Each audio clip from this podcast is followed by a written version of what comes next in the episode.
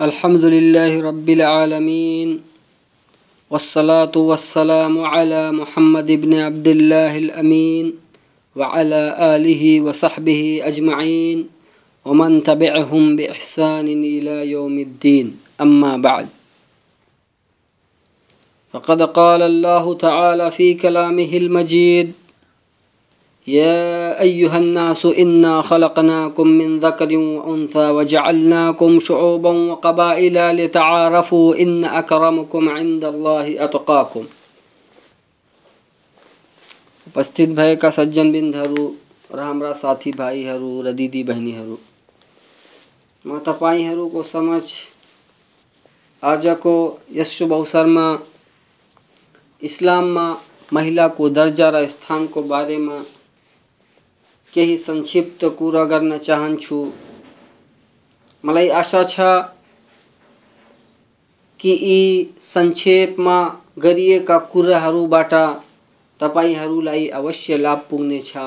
साथै अल्लाहसित यो बिन्ती पनि गर्दछु कि हामीहरूलाई सत्य कुरो सुनेर त्यसै बमोजिम कार्य गर्ने क्षमता र शक्ति प्रदान गरून्। आमिन।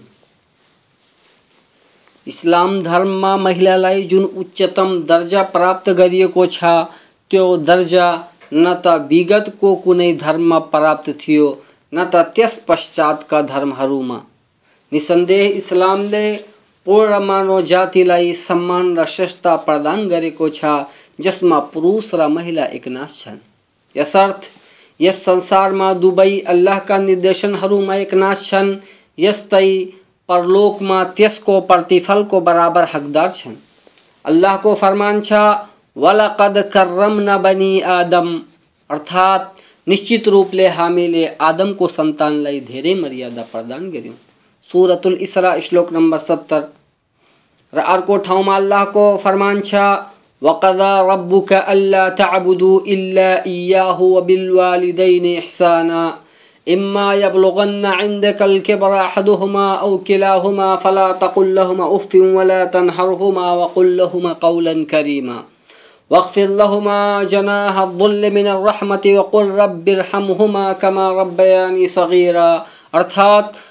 र तिम्रो पालनकर्ताले स्पष्ट आदेश गरेको छ कि ऊ बाहेक तिमी कसैको पूजा नगर र आमा बाबुको साथमा नम्र व्यवहार गर्दै गर। यदि तिनीहरूमध्ये एउटा वा दुवै तिम्रो अगाडि वृद्ध अवस्थामा पुग्छन् भने तिनीहरूलाई तिरस्कृत नगर्नु नहप्काउनु अपितु तिनीहरूसँग सम्मानपूर्वक मर्यादित ढङ्गले कुराकानी गर्नु। र विनम्रतापूर्वक प्यारका साथ तिनीहरूको अगाडि सुशील भई भइराख्नु र तिनीहरूको निम्ति प्रार्थना गर्ने गर कि हे पालनकर्ता, जुन प्रकार कि तिनीहरूले मलाई बाल्यक अवस्थामा मायाले पालन पोषण गरेका छन्, तिमीले पनि तिनीहरूमाथि त्यस्तै दया गर। सुरतुल इसरा श्लोक नम्बर तेइस, चौबिस। र अर्को ठाउँमा अल्लाहको भनाइ छ लिर्रिजाल नसीबुम मिम्मा तरकल वालिदानि वल अक़रबून वलिन्निसाइ नसीबुम मिम्मा तरकल वालिदानि वल अक़रबून। अर्थात् जुन संपत्ति आमा बाबु र नाता गोताले छाडी मर्दछन्, थोरै होस् अथवा धेरै, त्यसमा लोग्ने मानिसको अंश छ र आइमाईहरूको पनि। सुरतुन निसा श्लोक नम्बर सात। रात को रातको अल्लाह को भनाई छ।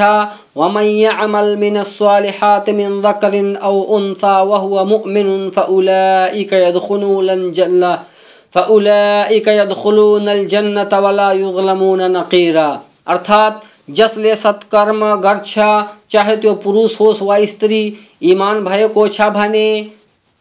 यस्ता मानिसहरूले जन्नतमा अर्थात् स्वर्गमा प्रवेश पाउनेछन् र खजुरको गुठलीको फाँक बराबर पनि अन्याय गरिने छैन। सुरतुन्निसा श्लोक नम्बर एक सौ चौबिस। र अर्को ठाउँमा अल्लाहको भनाइ छ, वलहुन्न मिस्लुल्लदी अलैहिन्न बिल मारुफ अर्थात् र नियमअनुसार स्वास्नीलाई पुरुषहरूमाथि अधिकार उस्तै छ, जस्तो पुरुषहरूलाई स्वास्नीहरूमाथि छ। सुरतुल बकरा, श्लोक नम्बर दुई सौ अठाइस अर्को ठाउँमा अल्लाहको भनाइ छ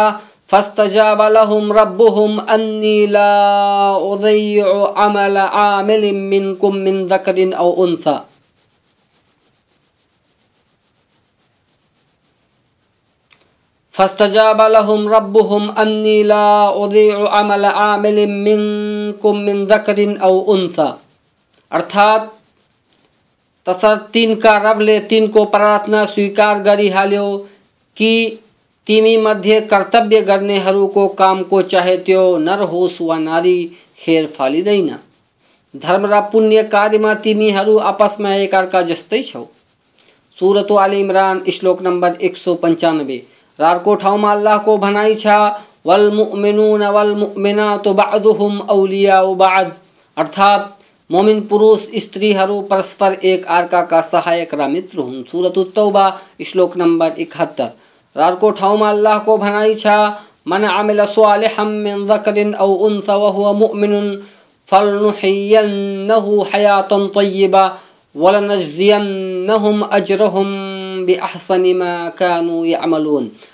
अर्थात् जुन व्यक्तिले सत्कर्म गर्दछ पुरुष होस् वा स्त्री र त्यो मोमिन पनि छ त हामीले उसलाई संसारमा पवित्र र आरामको जीवन प्रदान गर्नेछौँ र आखिरतमा तिनीहरूको राम्रो कार्यको अत्यन्त राम्रो बदला पनि अवश्य दिनेछौँ सुरतुन्नहल श्लोक नम्बर सन्तानब्बे।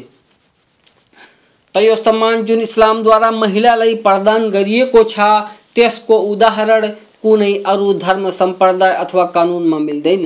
रोमी सभ्यताले यो स्वीकृति प्रदान गर्यो कि महिला पुरुषको दासी हो। र त्यसको कुनै पनि हक अधिकार छैन।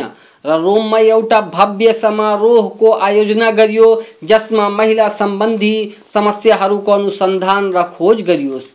अनि यो निष्कर्षमा पुग्यो कि महिला यस्तो प्राणी हो, जसको जीव नै छैन।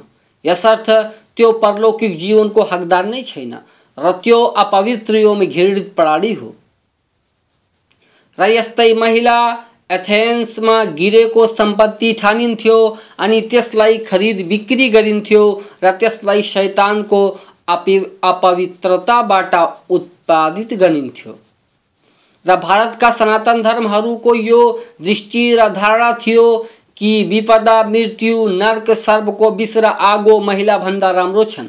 र त्यसका सबै हक हुकुक त्यसको पतिको मृत्यु पश्चात सिद्धिन्थ्यो र त्यसमाथि यो अनिवार्य थियो कि जब त्यसको मृतक पतिको शव आगोमा जलाइयोस् त त्यो महिला पनि आफूलाई जीवितै त्यस, त्यसै आगोमा हाम फालोस्। यदि त्यसले यस्तो गरेन भने त्यसलाई चारैतिरबाट तिरस्कारले घेरिहाल्थ्यो। र महिलाको अवस्था यहुदी धर्ममा कस्तो छ, यसलाई जान्नुको लागि आहदनामा कदिम अर्थात् ओल्ड टेस्टामेन्टको यस हुकुमलाई हेर्नुहोस् ओल्ड टेस्टामेन्टमा छ, मैले र मेरो हृदयले तत्वदर्शिता र विवेकी कुराको खोज गर्न चाहे र यो जान्न चाहे कि बुराई त वास्तवमा अनभिज्ञता नै हो र मूर्खता, पागलपना, त मैले मृत्युभन्दा अधिक कष्टमय एउटा कुरा भेटेँ। र त्यो हो महिला, जुन कि स्वयं जाल हो र उसको हृदय पनि जाल हो र त्यसका हातहरू बाँध्ने वस्तु। सफरुल जामे अल इसहा सात, पच्चीस, छब्बीस रह्यो थाहा नै छ कि ओल्ड टेस्टामेन्टलाई यहुदी र इसाईहरू इसाईहरू कति प्रतिष्ठित मान्दछन् र त्यसैमा उनीहरूको विश्वास पनि छ। यो थियो प्राचीन कालमा महिलाको अवस्था र त्यसको अवस्था मध्यकालीन युगमा र वर्तमान युगमा के कस्तो छ निम्नका घटनाहरू यसलाई स्पष्ट पार्नेछ महिलाको अवस्थाको बारेमा डिनमार्कीय काथोलिक लेखक वेद कोडेस्टेनले यसरी व्यक्त गरेका छन्, मध्यकालीन युगहरूमा युरोपियन महिलाको अवस्था र त्यसका अधिकारहरू काथोलिक धर्मशास्त्र कारण धेरै सीमित थिए।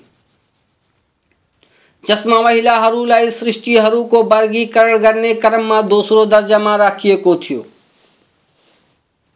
फ्रान्समा सन् पाँच सौ छियासी इस्वी सम्बन्धमा एउटा भव्य समारोहको आयोजना गरियो, जुन यस कुरामा विचार गरोस् कि महिला मानव जाति मध्येको हो कि होइन। र विचार विमर्श पश्चात त्यस सभामा भेला भएकाहरूले यस कुरामा सहमत भए कि महिला पनि मानव जाति मध्येको हो तर, त्यसलाई सृष्टि गरिएको छ कि पुरुषको सेवा गरोस् र फ्रान्सको कानुनको धारा दुई सौ सत्रमा यो उल्लेखित छ कि विवाहित महिला यदि यस्तो अवस्थामा छ कि त्यसको आफ्नो एकलौटी धन संपत्ति होस् र त्यसको पतिको पनि संपत्ति एकलौटी नै होस्, तैपनि त्यस महिलालाई यो अधिकार प्राप्त छैन। कि आफ्नो एकलौटी धन कसैलाई दियोस् वा दान गरोस् वा त्यसलाई धरौटीमा राखोस्। र कुनै पनि अवस्थामा त्यो धनको हकदार हुँदैन। यहाँसम्म कि त्यसको पति त्यसमा सहभागी होस् वा आफ्नो स्वीकृतिको लिखत दियोस्। र बिलायतमा आठौँ हुन्ड्रीले बिलायती महिलामाथि पवित्र ग्रन्थ वर्जित गरिदिएको थियो। र सन् अठार सौ पचास इस्वी सम्बन्धमा सम्मतसम्म बिलायती महिलालाई बिलायतको नागरिक मान्दैन थियो। र अठार सौ बयासी इस्वीसम्म उनीहरूलाई मौलिक अधिकार पनि प्राप्त थिएन। र रह्यो कुरा वर्तमानमा आधुनिक महिलाको त युरोप, अमेरिका आदि दीक्षित देशहरूमा महिलाहरूलाई घृणित व्यापार व्यवसायमा काम लाग्ने सृष्टि किनकि त्यो व्यापारिक अभियान अथवा विज्ञापनको अटुट अङ्ग हो। बरु अवस्था यहाँसम्म पुगिसकेको छ कि व्यापारिक सरसामानको विज्ञापन गर्नुको लागि त्यसलाई निवस्त्र पेश गरिन्छ। र त्यसको मान सम्मान र सतीत्व र इज्जतलाई ग्राह्य र हलाल गरिसकिएको छ। त्यस विधान बमोजिम, जसलाई केही मूर्ख र वासनाका पुजारीहरूले बनाएका हुन्, ताकि त्यो उनीहरूको वासना पूर्तिको लागि प्रत्येक क्षेत्रमा उपलब्ध र उपस्थित रहोस् त यस महिलाको त्यस बखतसम्म हेरचाह गरिन्छ जबसम्म त्यो आफ्नो अङ्ग प्रदर्शन अथवा शरीर एवं बुद्धि विवेकद्वारा उनीहरूलाई लाभ दिनुमाथि सामर्थ्य राख्दछ। तर जब त्यो महिला कमाई गर्न सक्दैन र त्यसको शरीर आकर्षणहीन भइहाल्छ, अर्थात् त्यो वृद्ध भइहाल्छ त यी वासनाका पुजारीहरू त्यसलाई आफ्नो कम्पनीहरूबाट निष्कासित गरिदिन्छन् र समाज पनि त्यसलाई एक्लै छाडिदिन्छ अनि त्यो आफ्नो घर कोठामा एक्लै भइहाल्छ वा मानसिक रोगी भई मानसिक अस्पतालमा पुग्दछ। महिलाको यस दुर्दशालाई त्यसबाट तुलना गर्नुहोस् जुन पवित्र कुरआनले वर्णन गरेको छ जबकि वास्तवमा दुवै बीच कुनै प्रकारको तुलना हुनै सक्दैन। किनकि जुन हक अधिकार कुरआनले महिलालाई प्रदान गरेको छ, त्यसको बराबरी यी सभ्यताहरू कदापि गर्न सक्दैनन्। यी अल्लाहका आदेशहरूलाई हेर्नुहोस्। वलमुमिनून वलमुमिनात बादुहुम औलिया बाद। अर्थात मोमिन पुरुष स्त्रीहरू परस्पर एक अर्काका सहायक र मित्र हुन्।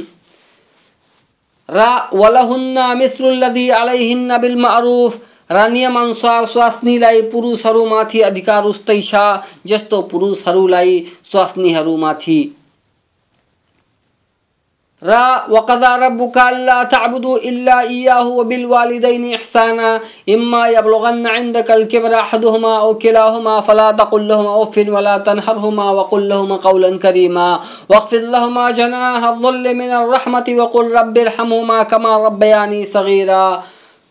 अर्थात तिम्रो पालनकर्तालाई स्पष्ट आदेश गरेको छ कि ऊ बाहेक तिमी कसैको पूजा नगर र आमा बाबुको साथमा नम्र व्यवहार गर्दै गर।